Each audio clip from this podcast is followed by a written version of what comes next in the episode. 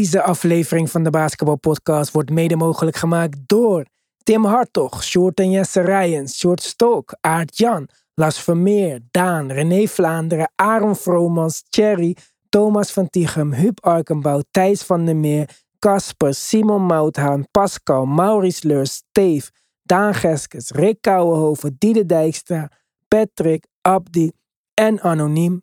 Speciale shout-out naar de GOATs. Robert Heiltjes, Yannick Chongayong, Wesley Lenting, Robert Lute, Jan van Binsbergen, Tarun en Yannick, Samet Kasic en Myron.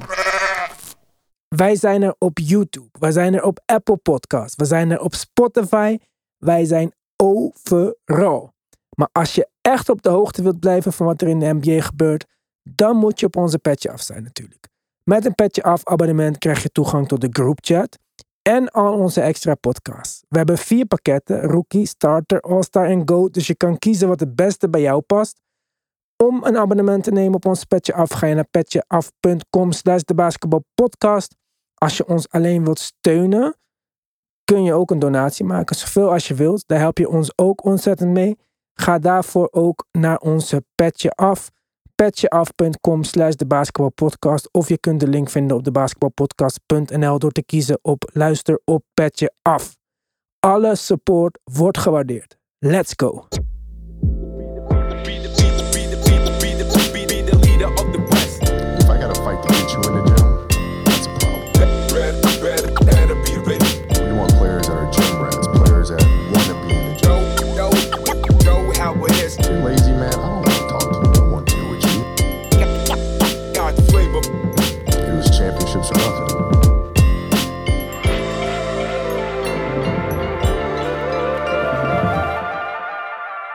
Ja, het is Thanksgiving. Ongeveer de laatste feestdag die wij nog niet hebben overgenomen hier in Nederland. We doen aan Halloween. We hebben Black Friday, maar Thanksgiving dus nog niet. Maar ook wij hier zijn natuurlijk gewoon dankbaar voor dingen. Dankbaar voor dingen die in de NBA zijn gebeurd. En dat gaan we vandaag bespreken. Maar voordat we dat gaan bespreken, wil ik ook mijn dankbaarheid tonen aan de mensen die ons in het afgelopen jaar een eh, donatie hebben gegeven. Want dat helpt ons natuurlijk enorm. We hebben een aantal tegenslagen gehad. Daarom ook geen videoafleveringen de laatste tijd. Die komen wel weer terug. Daarover binnenkort meer. We hebben aankondigingen te doen, zowel positief als negatief. Maar ja, nog even geduld daarvoor. Maar ik wil vandaag even in het bijzonder de mensen bedanken. Die dus ehm, geld hebben gedoneerd. Het maakt niet uit hoeveel. Ik ga gewoon even de namen voorlezen. Het zijn Aart-Jan, Jonathan Maury. Ik hoop dat ik het goed zeg. Jan van Binsbergen, Myron, Simon Mouthaan, Stefan Jerkovic, Paul van Kasteren, Wouter de Jong, Jasper, Issa en Mart Vellekoop. Jongens, ontzettend bedankt. Jullie hebben allemaal, denk ik, ook petje af. Maar dat jullie daar bovenop nog een donatie hebben gedaan, ja.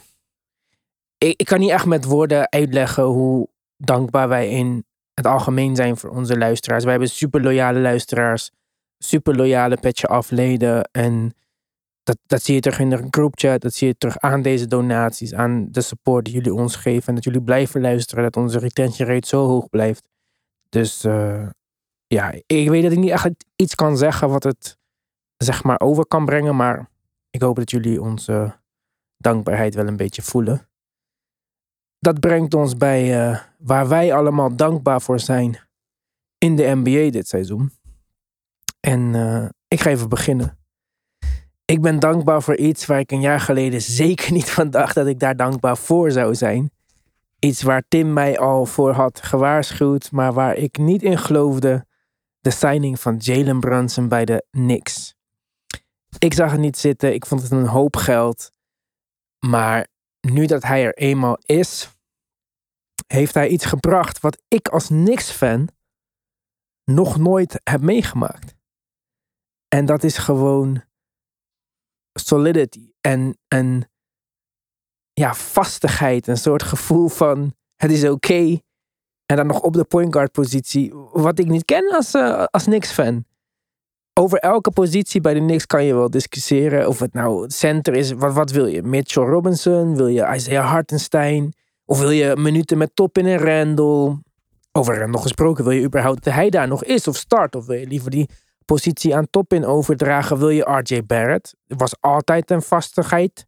Maar dit jaar toch ook niet zo goed. Zelfs de shooting guard. Wat, wat, wil je? Wil je Grimes? Wil je Reddish die de laatste tijd goed speelt? We zaten jarenlang opgezadeld met Fournier. Of tenminste jarenlang, een jaar.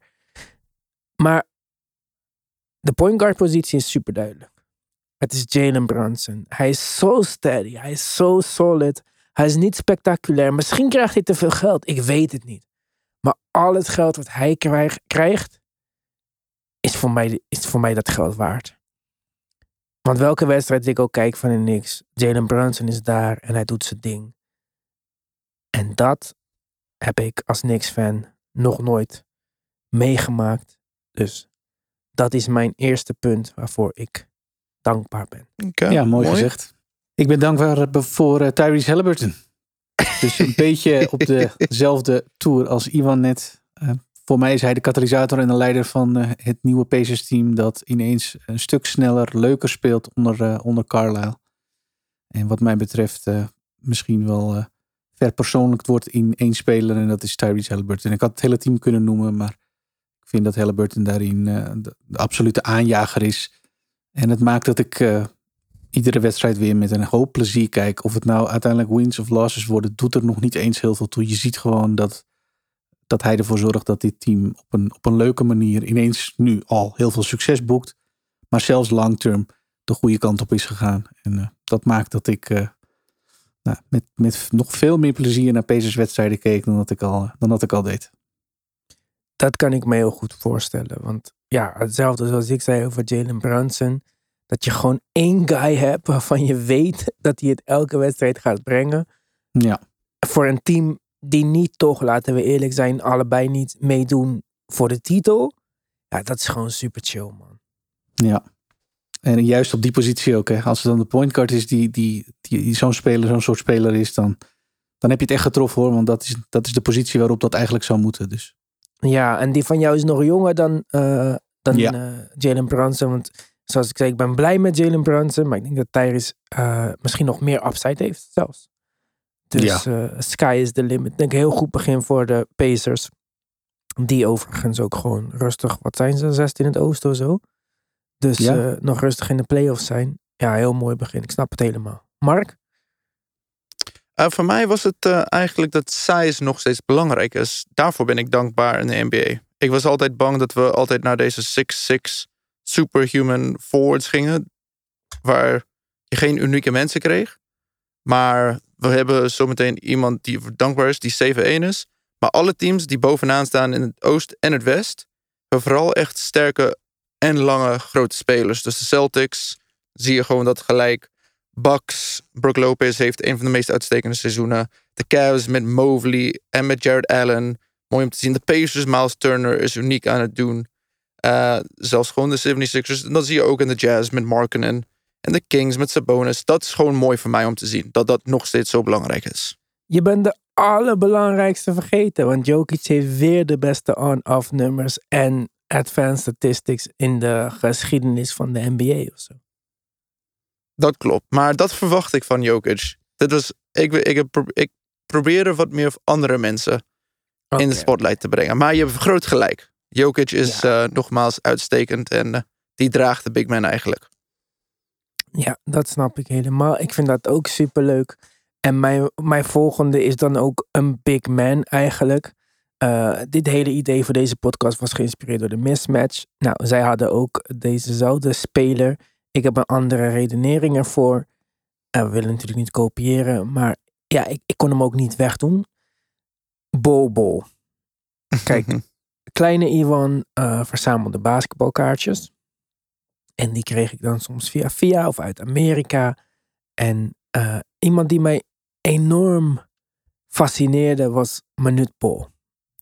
Ik, ik, wist toen niks van statistieken. Ik, ik had geen beelden gezien hij zag er zo bijzonder uit op die foto's. Zo lang, zo een soort van mysterieus was hij voor mij, zeg maar. En ja, later dat ik eh, toegang had tot internet en zo, kwam ik erachter dat, dat hij eigenlijk niet zo goed was, natuurlijk. ja, hij, hij heeft mooie bloknummers, maar als we echt praten over basketbal, niet echt. En we hebben natuurlijk deze hele afgelopen zomer over Wembanyama gehoord. En wat die allemaal wel niet kan en zo. Maar wij hebben gewoon, ja, ik, ik wil hem niet eens een light noemen. We hebben gewoon een versie van Wembanyama die nu in de NBA speelt. Bij de Nuggets kreeg hij die kans niet. Bij de Magic, ja, krijgt krijgt hij die kans wel. Niet alleen omdat de Magic ja, meer zakken dan dat ik had gehoopt. Maar ook gewoon omdat er veel mensen geblesseerd zijn. En hij doet het eigenlijk best wel goed. Hij scoort, hij laat zijn eh, versatility zien. Hij is een oké defender, in ieder geval rim protector. Hij is niet de blokker die zijn vader is, maar ja, zijn vader was ook niet de shot creator die hij is. En die minuten die we van hem krijgen, dat is iets waar ik dankbaar voor ben. Want het had ook zomaar gekund dat we hem nooit echt in actie hadden kunnen zien. En dat hebben we wel dit jaar gekregen. Ik vind het in ieder geval super leuk om te zien. Ik vind de hele Magic best wel leuk om te zien. Ik denk dat ze minder wins hebben dan dat het plezier om naar te kijken eh, je zou doen laten denken. Maar ik ben blij dat we Bol in actie zien. En ik ben blij dat hij de kans heeft gekregen en met beide handen heeft vastgegrepen. Mee eens, mee eens. Goed gezegd. Tim. Ik ga van Tyrese Halliburton naar uh, zijn oude werkgever. Ik ben dankbaar voor de Sacramento Kings dit jaar. De Beam Team. Team met de beste aanval in de NBA momenteel. En wie had dat van tevoren bedacht? Ik vind Ik het leuk ehm, als we verrast worden. Ik vind het leuk als we met z'n allen eh, maand, er maanden over doen om voorspellingen te doen. En dan eh, een maand het seizoen in gewoon helemaal ongelijk hebben. En als er een team is, naast de Utah Jazz, die dat dit seizoen bewijzen, dan zijn het de Sacramento Kings. En op een leuke manier. Eh, met niet alleen een, wat mij betreft, fantastische fanbase daar. Het is echt altijd wel leuk om te zien. Maar met een heel leuk team dat, ja, ik weet niet, op een of andere manier toch wel een beetje goed samenkomt. En uh, die Aaron Fox die eh, toch eindelijk echt serieuze eh, eh, stats post. Kevin Herder, de combinatie in de backcourt tussen die twee die opeens best wel klikt. Van tevoren niet per se Ja. verwacht. Ehm, en een leuke bankproductie met Malik Monk en Terrence Davis. Het, zijn allemaal namen die we van tevoren nergens per se hadden opgeschreven. Maar die opeens wel eh, gewoon heel erg leuk basketbal spelen. Om maar niet te spreken over Sabonis en Keegan Murray natuurlijk. Die het allebei ook gewoon heel erg goed doen.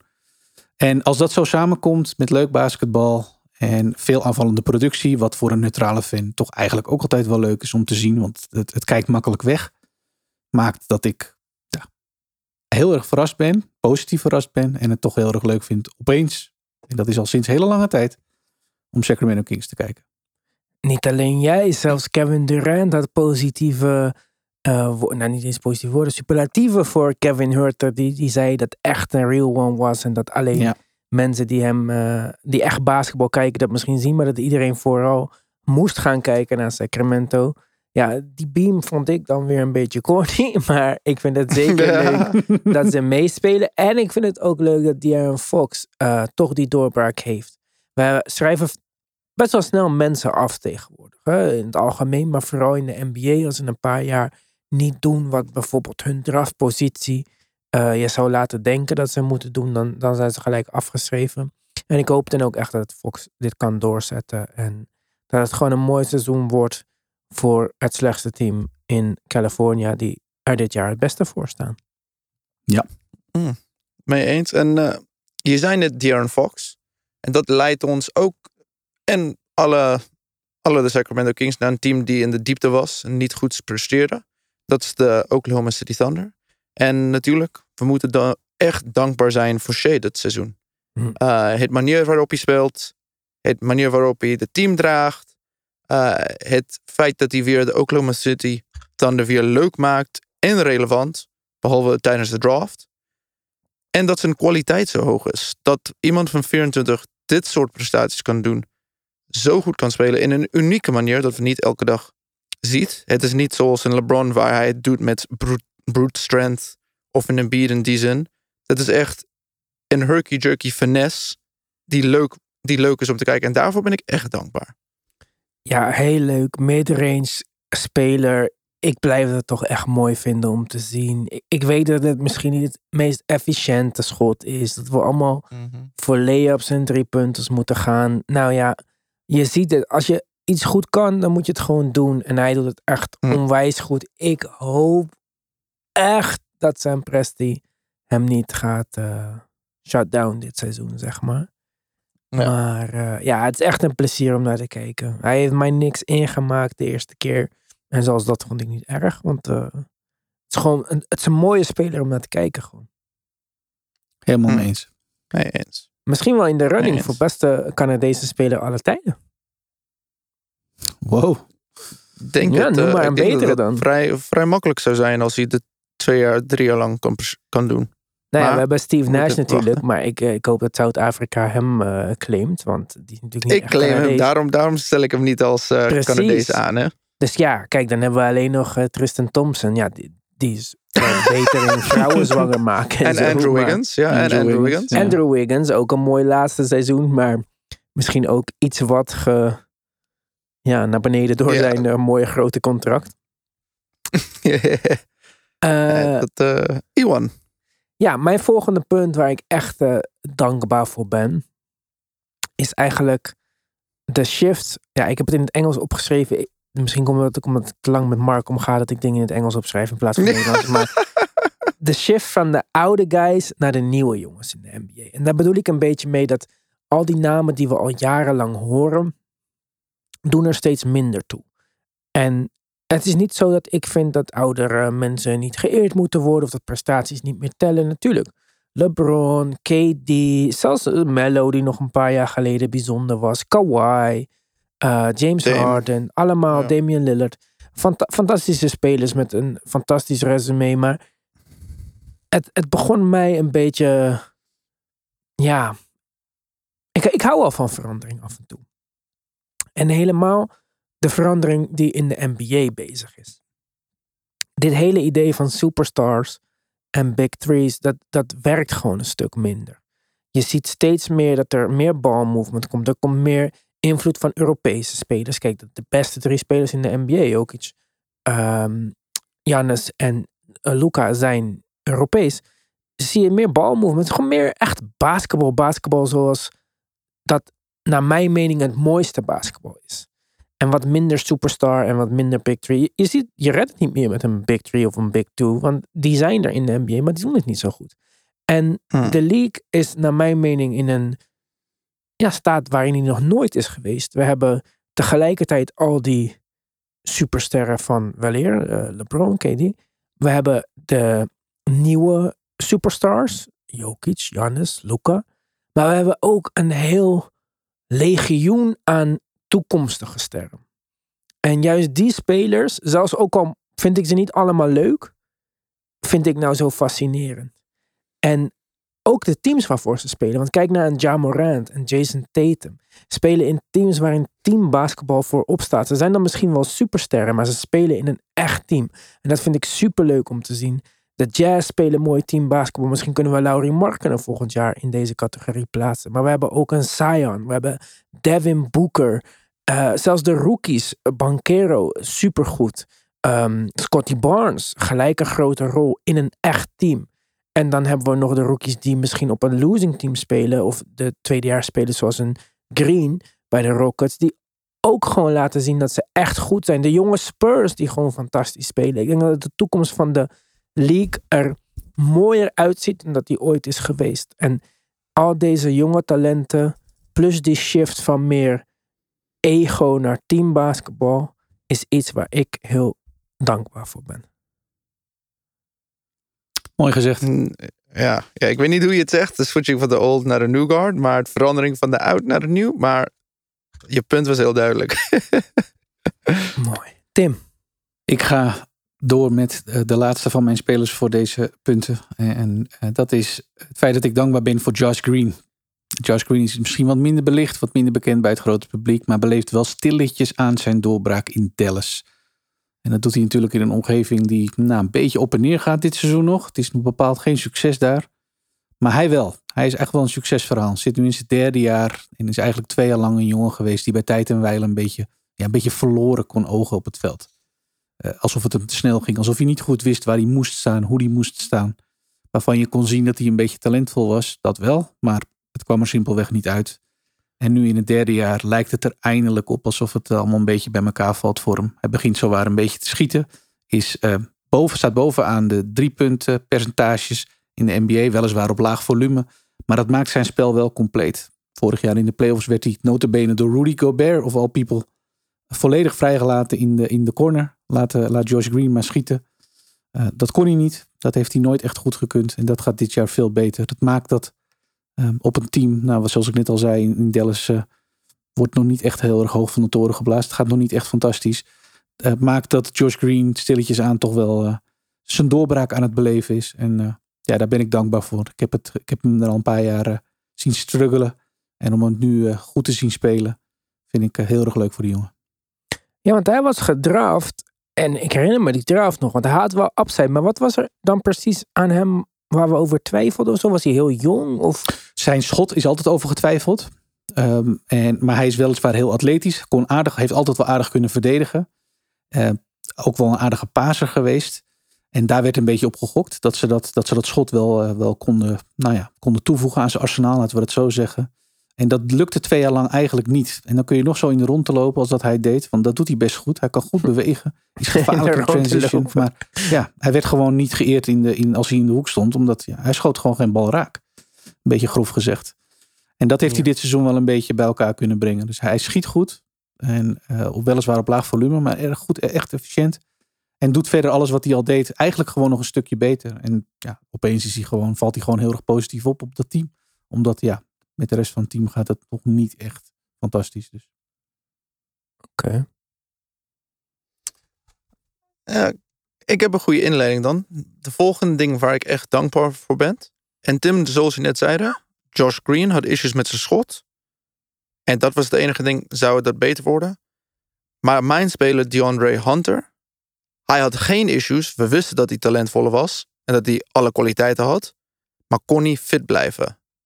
En ik ben zo dankbaar dat hij fit is gebleven in het begin van deze seizoen. Waardoor de Hawks, sinds hij is gedraft, hun beste start van het seizoen hebben gehad. En waardoor Hawks ook beter spelen als groep. Dus daarvoor ben ik echt dankbaar. Ja, ze hebben zelfs getraind voor hem op draft night natuurlijk. Want daarom zijn de rechten mm -hmm. van Jonathan, of uh, hoe heet die, Jackson Hayes naar de Pelicans gegaan. Ja, die andere, die andere Hunter was projected echt als een superstar 3D wing, zeg maar. Mm -hmm. Ja, ik denk dat het Atlanta-team sowieso moeilijk is. Maar ik denk dat hij zelfs nog beter is dan wat hij nu laat zien. Want om op dit uh, Atlanta-team te shinen is gewoon een beetje lastig, denk ik. Ik denk dat de Hmm. hele filosofie van de Hawks nog niet echt super duidelijk is, naar mijn mening. Maar ja, die Andre Hunter is zeker een van die jonge guys. Ik hoop dat Patrick Williams in zijn uh, voetsporen gaat treden. Het zou wel mooi zijn. Ja, dat is ook een mooie jonge speler. Uh, Iwan, ik denk dat jij bent weer aan de beurt. Yes. Kijk, uh, waar ik dankbaar voor ben, zijn de teams die tanken eigenlijk dit jaar. Of die wij, waarvan wij hadden verwacht dat ze zouden gaan tanken. Ik kan het hebben over de Spurs natuurlijk, die ondanks dat ze tanken toch leuk basketbal laten zien. Maar ja, ik denk dat de Utah Jazz een team zijn wat ons allemaal heeft verrast. Ik weet niet of ze wouden gaan tanken, of het nooit de bedoeling was. Misschien hadden wij gewoon voor onze beurt gesproken. Maar dat zij niet aan het tanken zijn en dat wij een starting line-up zien waar ik niks had van, van had verwacht met Jordan Clarkson in de basis, Mike Conley en Laurie Markkinen die natuurlijk een mooi seizoen had gedraaid bij Cleveland en een hele goede EK. Maar ja, dit had niemand zien aankomen, denk ik. Tenminste, ik niet. Maar dat ze niet aan het tanken zijn, dat ze gewoon super mooi basketbal spelen, dat ze de bal bewegen met zo'n jonge coach. En dat is iets waar ik echt enthousiast over ben de laatste tijd in de NBA. De jonge coaches met een frisse blik die gewoon niet bang zijn om dingen te veranderen. Ja, super dope. Utah is gewoon een team waarvan je van het begin van het jaar van dacht, nou als mijn team daar tegen speelt, hoef ik die wedstrijd niet eens te kijken, want ze gaan toch niet winnen. Naar een team waarvan ik blij ben als ik zie dat ze in een leuke matchup zijn, omdat ik ze graag wil zien.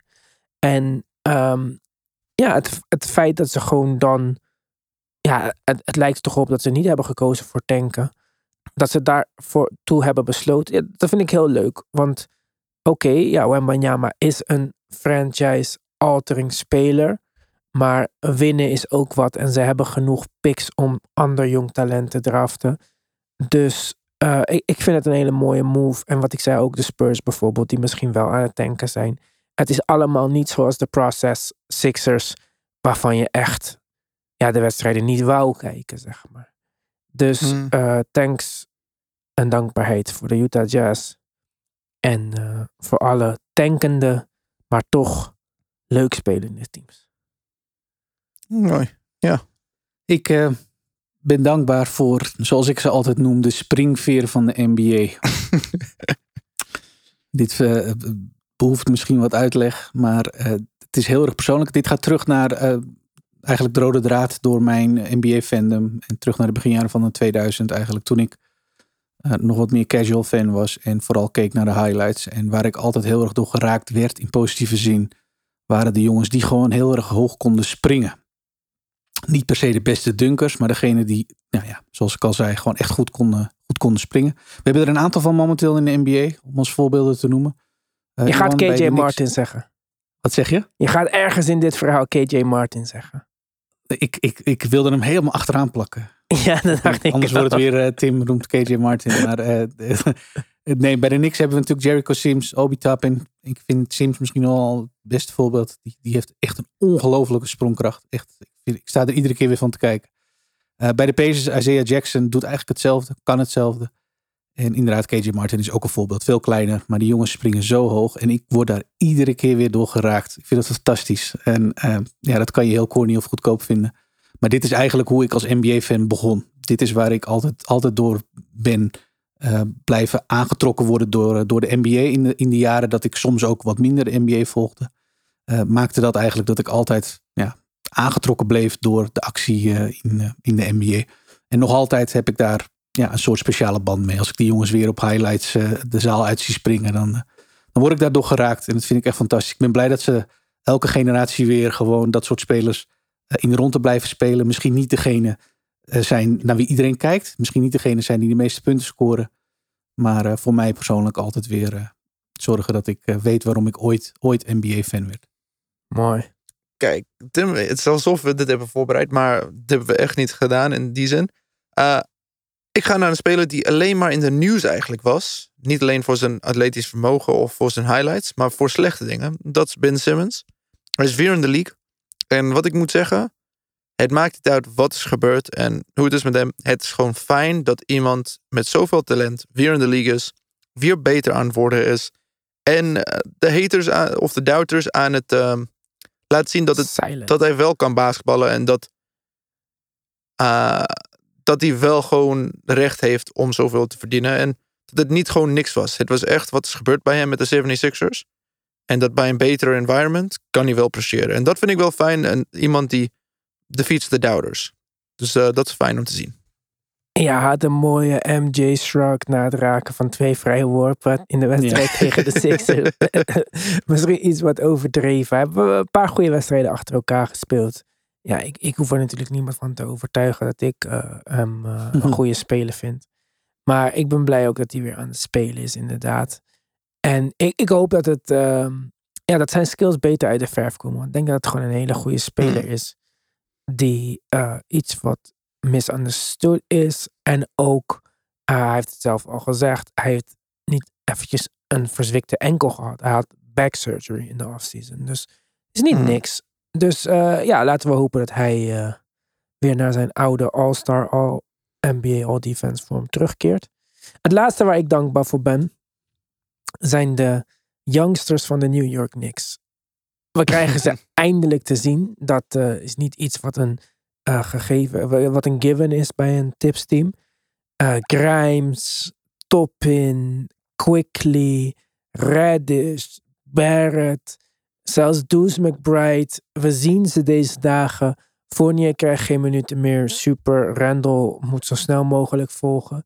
Maar het is gewoon leuk om die jongens aan het werk te zien. Kijk, misschien dat de fans van teams als de Warriors of de Bucks of weet ik veel welk ander contending team, de Celtics, die, die zijn gewoon, ja, die willen succes zien, die willen overwinningen zien. Als volger van een mediocre team, wat één keer in de tien jaar de playoffs haalt, wil je gewoon leuk basketbal zien en nieuwe mensen. en, en, en een beetje excitement. En dat is wat de meeste jonge spelers toch brengen, want die zijn nog eager om te presteren. En die willen nog laten zien wat ze kunnen. En daarom vind ik het superleuk dat we ze in actie zien dit jaar. En bij de Knicks denk ik dat er veel... Ja, ik had het laatst met Tim over. Hij zei, is toch niet genoeg?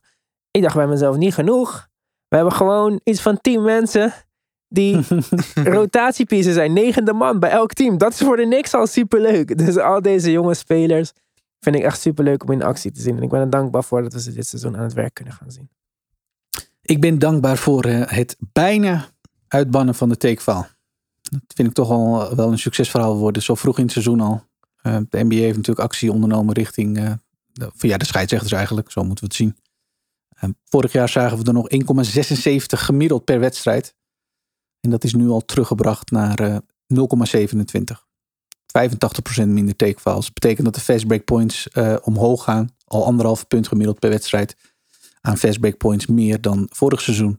En dat komt wat mij betreft in ieder geval mijn kijkplezier heel, heel, heel erg ten goede. Dus ik vind het leuk dat, dat dat nu al zijn vrucht aan het afwerpen is. En los van die statistieken kun je dat ook gewoon al zien her en der aan wedstrijden. Sommige ploegen profiteren daar nog meer van, omdat het echt een kracht kan worden nu ook. Uh, omdat je weet dat de kans klein is dat je, dat je wordt gestopt in die tegenaanval. En uh, dat vind ik leuk als fan, absoluut. Ja, kan ik begrijpen. Mm. En, en zeker een hele mooie ontwikkeling. Uh, een van de beste regelveranderingen, denk ik, in de afgelopen jaren. Ja. Mark? Mijn laatste, waarvoor ik echt dankbaar ben, en dat heb ik altijd zelfs voor, is Paul George's Renaissance in sommige manieren. Uh, zonder Kawhi, die up en down seizoen heeft tot nu toe, of niet helemaal hersteld is, zijn de Clippers nogmaals eigenlijk de nummer één team in het West. Met een game of zoiets, daar, hier en daar, en hangt vanaf van hoe, de, hoe je het eigenlijk dan daar kijkt.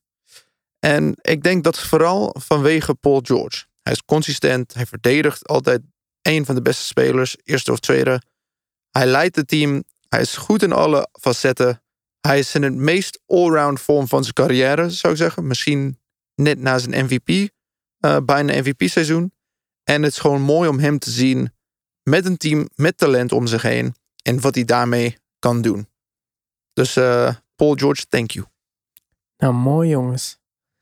Nou, dat waren toch eventjes dan in een vogelvlucht alle dingen waar, waar wij dankbaar voor zijn dit jaar. Er zijn er niet uh, weinig, hè? Ik denk dat we een mooi NBA-seizoen hebben. En daarom, uh, ja, denk ik dat we allemaal maar blij moeten zijn. Uh, wij gaan verder op Petje Af. wij zijn er natuurlijk volgende week maandag weer met een normale aflevering. Op Petje Af hoor je nog vrijdag van ons met een Tim Talk. En volgende week krijg je het hele spektakel weer opnieuw. Dankjewel voor het luisteren en tot de volgende keer.